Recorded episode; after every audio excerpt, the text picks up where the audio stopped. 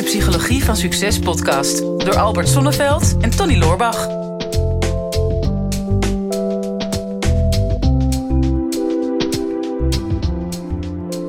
Laatste deel alweer, eh, Albert. Nee, ik Ja. begin al een beetje, eh, ja, hoe noem je dat? De, de heimwee te krijgen naar de, naar de andere afleveringen. Ja, dat snap ik. Ja, dat was een leuke special. Leven Ja. zonder stress. Vier Ja, delen. absoluut. We gaan eh, volgende week eh, lekker eh, weer verder met het beantwoorden van vragen.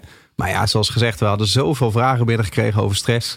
En jij hebt een prachtige mini-cursus gemaakt. Dus we moesten gewoon even een mooie, een mooie special hierover maken. Ja. We hebben het al over veel dingen gehad. Hè? Dus de verschillen tussen burn-out, stress, depressie en overspannenheid. We hebben best wel veel praktische dingen, denk ik, aangegeven over hoe je een beetje met je stress kan omgaan. Maar we gaan natuurlijk nog even een, eh, stapje verder. Ja, want we hebben natuurlijk vooral toch, als het over stress gaat, over de, over de negatieve zaken. Hè? Dus eh, ja, waarom is het nou zo moeilijk om je grenzen aan te geven? Waarom is het nou zo lastig om prioriteiten te stellen?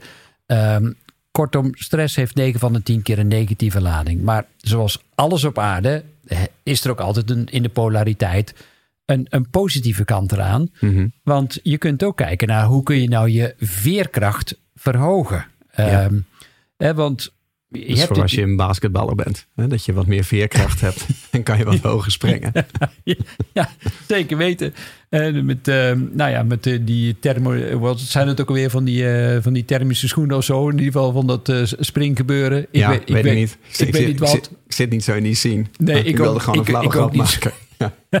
Ik ook niet zo. ja, dat in een van de vorige afleveringen over dat je af en toe het patroon moet doorbreken als je gespannen wordt. Is je aardig gelukt? In het begin van de aflevering ben ik altijd zo gespannen. Dan eh, vergeef mij mijn flauwe grappen. Oh, oh, Oké, oké, oké. Maar het, het verhogen van je veerkracht, dat is natuurlijk wel een hele interessante. Want ehm, als je gaat kijken naar. En je hebt het in een van je afleveringen al genoemd. Dat er periodes waren dat je 80 uur bij wijze van spreken in de week werkt. Mhm. Maar nergens last van hebt.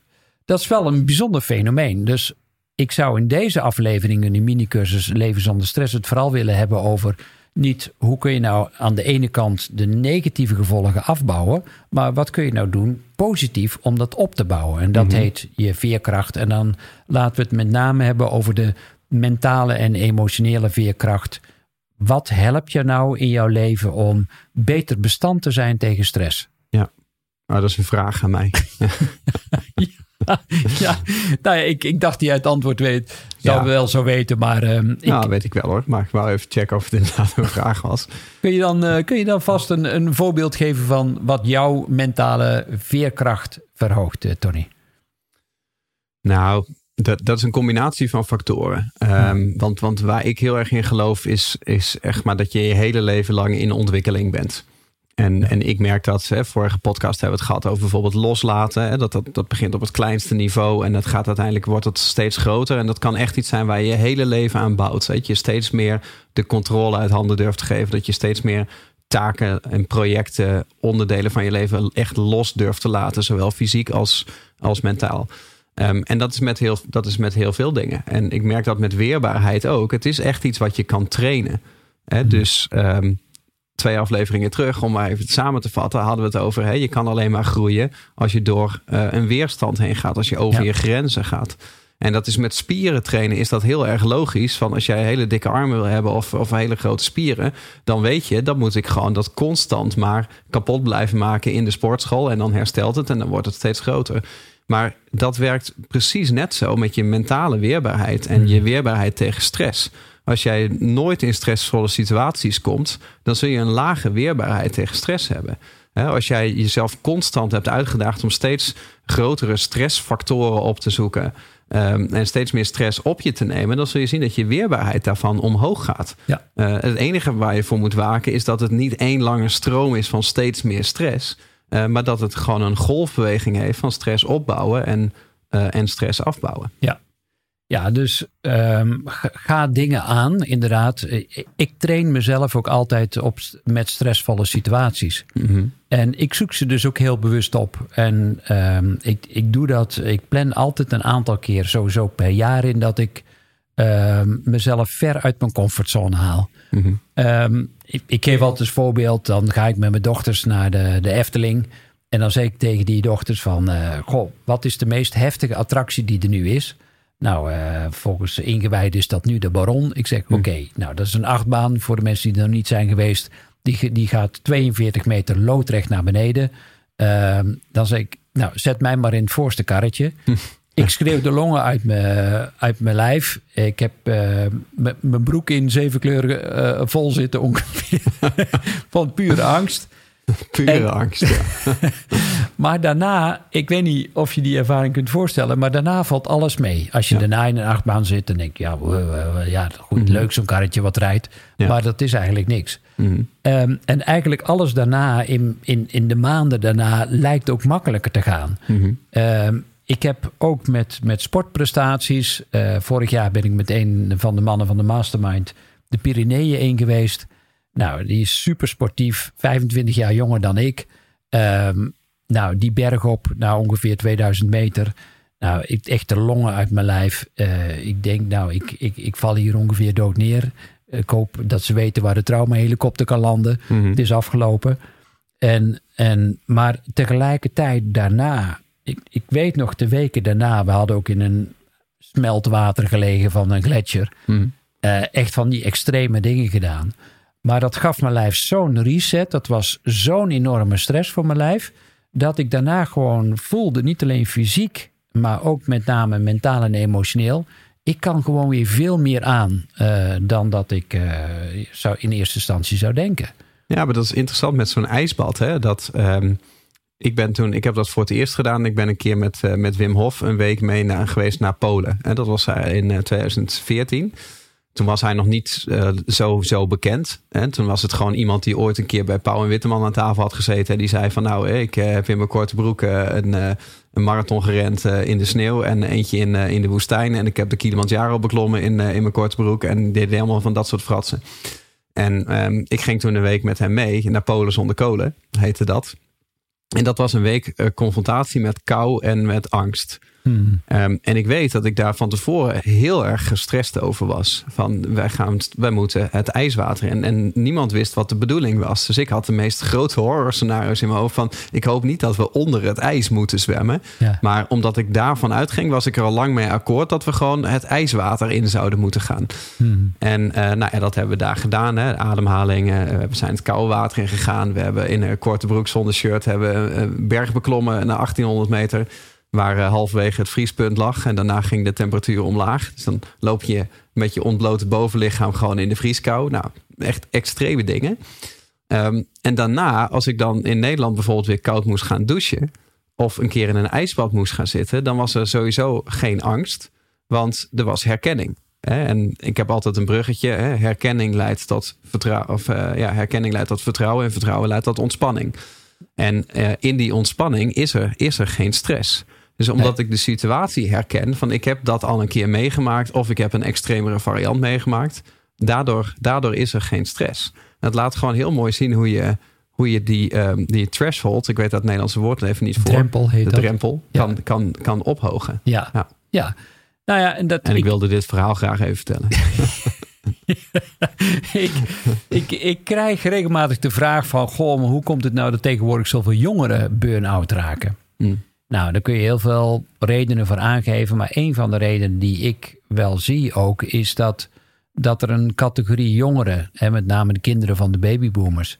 ja, dat, dat, was alles, alles ging als het ware van een leien dakje. Hè, Mhm. de, het is ook wel de achterbankgeneratie... of de sleutelgeneratie of de de rubbertegelgeneratie. Hm. Het, ze, ze zijn zo beschermd uh, opgevoed. Eh, omdat, nou ja, de, de, in, in die tijd met uh, Dutroux, kinderen die werden een beetje angstvallig van straat gehaald, mochten niet meer op straat spelen. Alles moet veiliger. Ehm, dus ik, ik heb zelf er ook aan meegedaan door mijn dochters te halen en te brengen op feestjes. Want Mhm. nou, wij woonden in de polder en dat was eh, best wel spannend. Dus, ehm, maar daardoor hebben ze toch minder weerstand opgelopen. En de Mhm. oudste dochter die moest eh, 16 kilometer heen en 16 kilometer terug per dag op de, op de, op de fiets naar school. En ehm, ja, in vergelijking met de andere zussen, ik, ik- ze leeft nu in Peru. Als ik zie onder welke omstandigheden zij moet functioneren. Maar ze heeft een ongelofelijke weerstand tegen alles wat tegen kan zitten. Ze zitten nu nog in de lockdown. Ja. En, ehm, maar, maar zij weet op een bepaalde manier haar optimisme ook vast te houden. Mhm. Ehm, dus soms zijn we ook te voorzichtig en te angstig, ook met onze kinderen, maar ook met onze medewerkers, om, ehm, ja, om ze maar niet in de omstandigheden te brengen waarin ze worden uitgedaagd om creatief te zijn, om zelfvertrouwen op te ontwikkelen, om Mhm. trots te zijn op jezelf. Want als je mensen te veel gaat pamperen, ehm, ja, dan, dan heb je ook niet de mogelijkheid om, om die kracht in jezelf eh, te ontdekken en, en Mhm. vrij te maken ook. En ehm, ja, ik, ik ben nu op een leeftijd die denk van nou, ik heb toch al heel veel meegemaakt. Ik ben uit vliegtuigen gesprongen, weliswaar met parachute, maar Ja, toch, ja. toch nog, En expres. en expres. toch, het blijft een rare ervaring om uit een vliegtuig te stappen nog voordat het geland is. Dat, dat Mhm. voelt altijd een beetje, een beetje Onnatuurlijk. ja. onnatuurlijk. Mhm. Ehm, in trainingen met Anthony Robbins. En dat wil zeker niet zeggen ehm, dat je nu echt alleen maar extreme dingen moet doen. Maar alleen al het feit dat je, misschien woon je in een stad en dat je vanavond besluit om te zeggen: Oké, ik ga eens een- in een wijk wandelen waar ik nog nooit gewandeld heb. Mhm. Dat geeft al een, een apart gevoel dat je toch iets verkent. En als je daarna bijvoorbeeld zonder Google Maps je weg weer terug weet te vinden, omdat je loopt op je intuïtie. ehm, dat, dat kan niet anders dan dat je dan trots bent op jezelf. Mhm. Of dat je, weet ik veel wat, eh, als ik een IKEA-kast in elkaar zet en ik hou geen schroefjes over. Nou, dat is ook iets onbekends voor mij. Waarmee ik dan, ehm, ja, mez- mezelf uitdaag. En, en dat kan intellectueel zijn, het kan fysiek zijn. Maar, eh, of een puzzel of, of iets waarvan je het, het idee hebt, wow. eh, of een muziekinstrument gaat spelen. Mhm. Maar dat kost weerstand. Dat kan niet anders. Als je gitaar gaat spelen, heb je gewoon je Mhm. vingers stuk. Ja. Eh, en, en, en, maar, maar daarna, op het moment dat je op het eerste verjaardagsfeestje een melodietje kunt spelen, Mhm. ja, dan ben je zo trots als een pauw natuurlijk. Ja, maar ik denk dat. ehm, ik zit even te denken van. Kijk, wij, wij als ondernemers. ehm, ja, wij, wij kiezen ons eigen werk. Hè. Je begon even mee met ehm, eh, dat, dat, eh, dat je makkelijk 80 tot 100 uur in de week kan werken.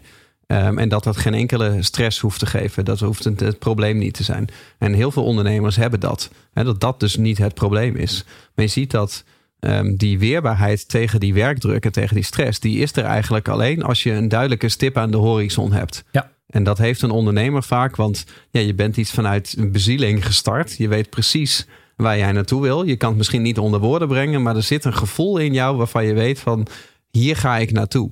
Ehm, en, en alles wat ik tegenkom, dat, dat, is een, dat is een onderdeel van het proces. Hè. Ik kies er zelf voor, maar ja, ik krijg obstakels op mijn pad. Ik eh, word eh, ergens bang voor, maar ik vlieg die angst aan. Want achter die angst, daar zit mijn stip op de horizon. En daar kom ik wel.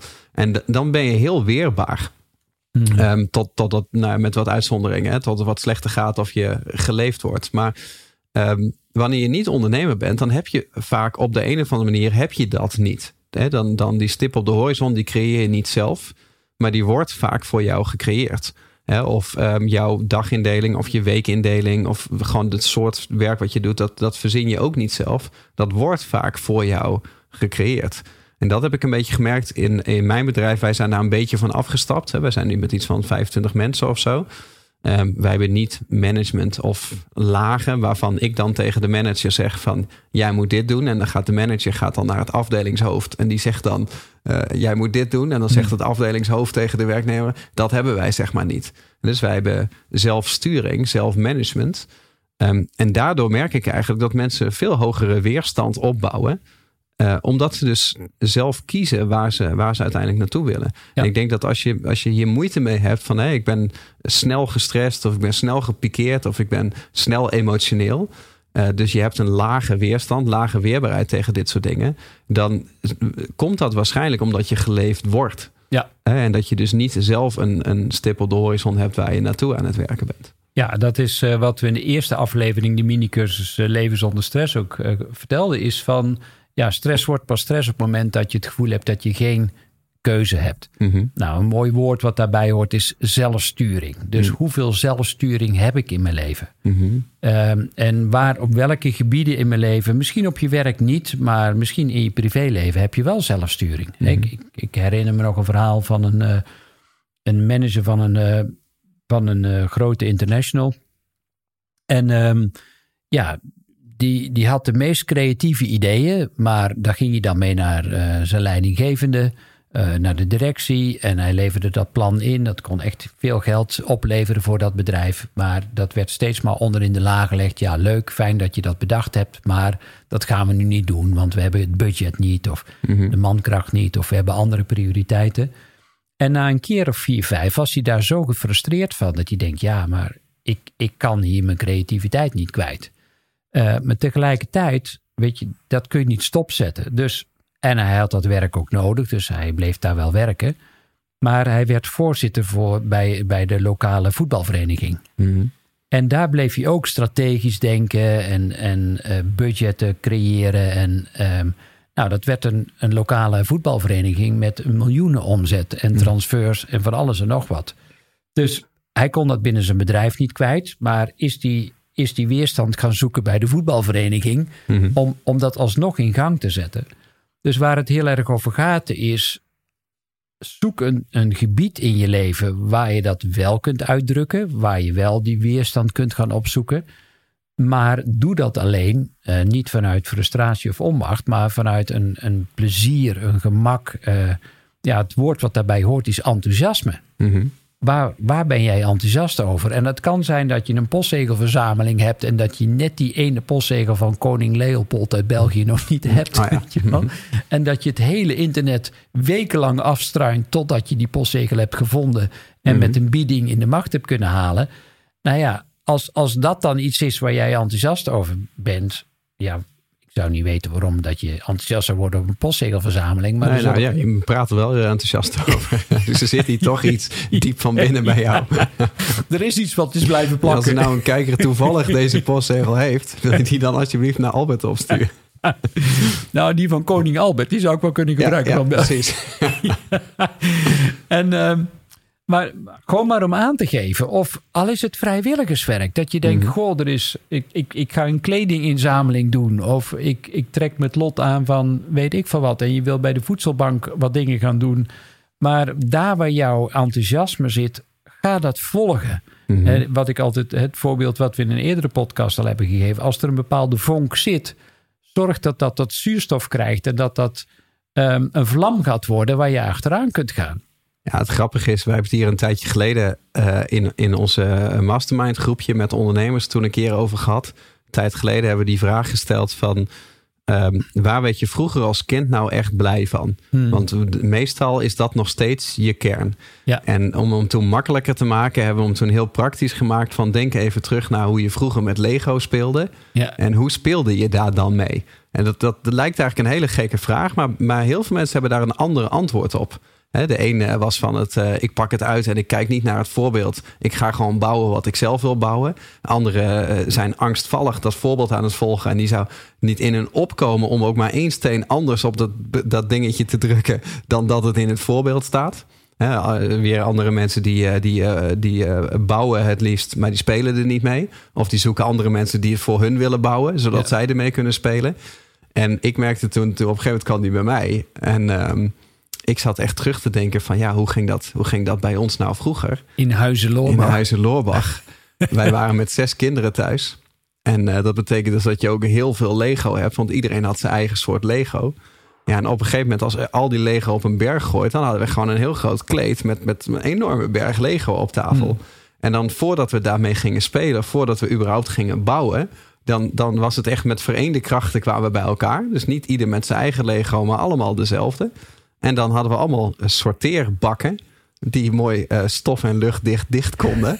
Het dus Ja. klinkt heel obsessief. Ja, En dan- enigszins. En dan Ja. gingen wij dat eerst sorteren. Dus hè, op, op soort en op, en op kleur. En dan, dan op een gegeven moment, daar, daar konden we echt dagen mee bezig zijn. Dan stond met z'n allen om die keukentafel Lego te sorteren. En op een gegeven moment waren allemaal van die diepvriesbakjes en allemaal sorteerbakken. En op een gegeven moment was het dan gesorteerd. En dan was het werk voorbereid. Hmm. En, dan, en als dat voorbereid is, kan je dus heel snel bouwen. Want dan, dan hoef je niet meer te zoeken. Ja, ja, en dan, maar meestal gingen we helemaal niet meer bouwen of spelen. Dan meestal stopten we daarna gewoon mooi stofdicht in de kast. En dan stond het klaar voor als iemand er dan een keer mee wilde gaan spelen. Ja, luisteraars, als je nu nog niet naar de YouTube kijkt, dit moet je terugkijken. Als je het enthousiasme ziet de oogjes die blinken van onze Tony op dit moment. Als die praat over zijn Lego-moment, dat is bijna extatisch. En uh, misschien kun je het horen terwijl je dit uh, nu luistert, maar het is echt de moeite waard om dit te zien. Nou, nou ik krijg er wel weer zin in om er weer mee aan de slag te gaan. ja. Maar, ja, maar voor ons was dus het, het voorbereiden van het werk, dat was eigenlijk het spelen. Hmm. En niet het spelen wat daarna kwam. Ja. En, en ik kijk dan van wat is dan daar de parallel mee met hoe ik nu in mijn business zit. ik oh, heb een hele tijd. Ik dacht aan je seksleven dat het voorwerkelijk. Oké, goed. Ja, nee, ik dwaal even af. Ja, ja oké. Voorpret is het leukste, zei mijn moeder altijd. Maar dat ging dan over de vakantie. Maar ik denk dat het kwam dat we maar één keer per jaar op vakantie gingen. Dus dan moet je ook iets tegen je kinderen zeggen. Maar um, nee, maar ik, ik trek dan de parallel met hoe ik nu bijvoorbeeld werk. Van ja, ik heb een tijdje in, in mijn eentje gewerkt in, uh, in mijn eigen bedrijf. Dan deed ik zelf alle werk. Uh, dus, dus zowel het voorbereiden als het, het uh, bouwen, uh, als het spelen ermee. heel vaak kwam dat spelen er dan trouwens niet meer van. Hè, want mhm. je bent gewoon aan het werk. En ik heb ook een latere fase gehad met personeel waar ik manager was. Ik ben spreker, ik ben coach, ik ben auteur, ik ben podcaster. Ik probeer alle rollen wel, wel uit, zeg maar. Maar ik merk dat ik nu steeds meer tot mijn kern kom. Nu ik in de rol van investeerder kom. Dat ik, ja, ik heb nu iets van acht of negen bedrijven. Waar ik als, als eigenaar investeerder in zit. Maar ik ben niet meer werkzaam in die bedrijven. Ik verzamel alleen alle resources. Laten we het Lego blokken noemen. Hmm. En ik zorg ervoor dat iedereen um, daarover kan beschikken. Zodat zij ermee kunnen werken. Dus ik ben meer een, een, een voorbereider. Hè? Ik zorg dat, dat er blokken zijn. En dat er meer blokken komen. En dat die beschikbaar zijn. En ik denk dat is best een leuke oefening voor jezelf om te doen. Van als ik nou terugdenk aan toen ik kind was, waar speelde ik mee? Hè? Dat kan ook iets anders dan Lego zijn. Van hmm. ja, hoe, hoe deed ik dat dan? En waar werd ik nou echt het meest gelukkig van? Want dat, dat vonkje, dat zal er nog steeds in zitten. En als je daar weer mee in contact kan komen, dan heb je uh, van nature al een hele hoge weerbaarheid tegen stress. Omdat je gewoon datgene aan het doen bent, wat jij diep van binnen het allerleukste vindt om te doen. Volgens mij de beste remedie en daarmee ook een hele mooie afsluiting voor uh, deze mini-cursus Leven zonder stress. Ja, ik kan me voorstellen dat je denkt: oh, komen er nog meer afleveringen? Nou, niet wat deze mini-cursus betreft, maar we gaan natuurlijk nog eindeloos door met de podcast. En als je vragen aan ons wil stellen, dan kan dat. Sowieso op het uh, YouTube-kanaal uh, Psychologie van Succes vind je in de omschrijving ook een linkje waarop je kunt doorklikken en dan bij de vragensectie terechtkomt. Uh, de meest leuke vragen en de meest interessante vragen. En ook de vragen die we nog niet hebben beantwoord. Die komen dan weer terug in de podcast. Dus dan hoor je jouw vraag weer terug of zie je jouw vraag weer terug in, uh, in, deze, in deze podcastserie. En uh, ja, je mag ons altijd uh, natuurlijk duimpjes geven. Daar zijn we helemaal dol op. En mm -hmm. we zijn ook helemaal blij als je je abonneert. Want je zou toch eens één aflevering missen. Dat kun je jezelf eigenlijk niet veroorloven. Dus doe gezellig mee. En uh, trouwens, we hebben er al even mee zitten zwaaien. Maar uh, deze syllabus die staat ramvol met allerlei tips, adviezen, nog leuke testjes om te doen. Allemaal om jou of de mensen die jou dierbaar zijn te helpen aan een leven zonder stress. Dit is de Psychologie van Succes podcast door Albert Sonneveld en Tony Loorbach.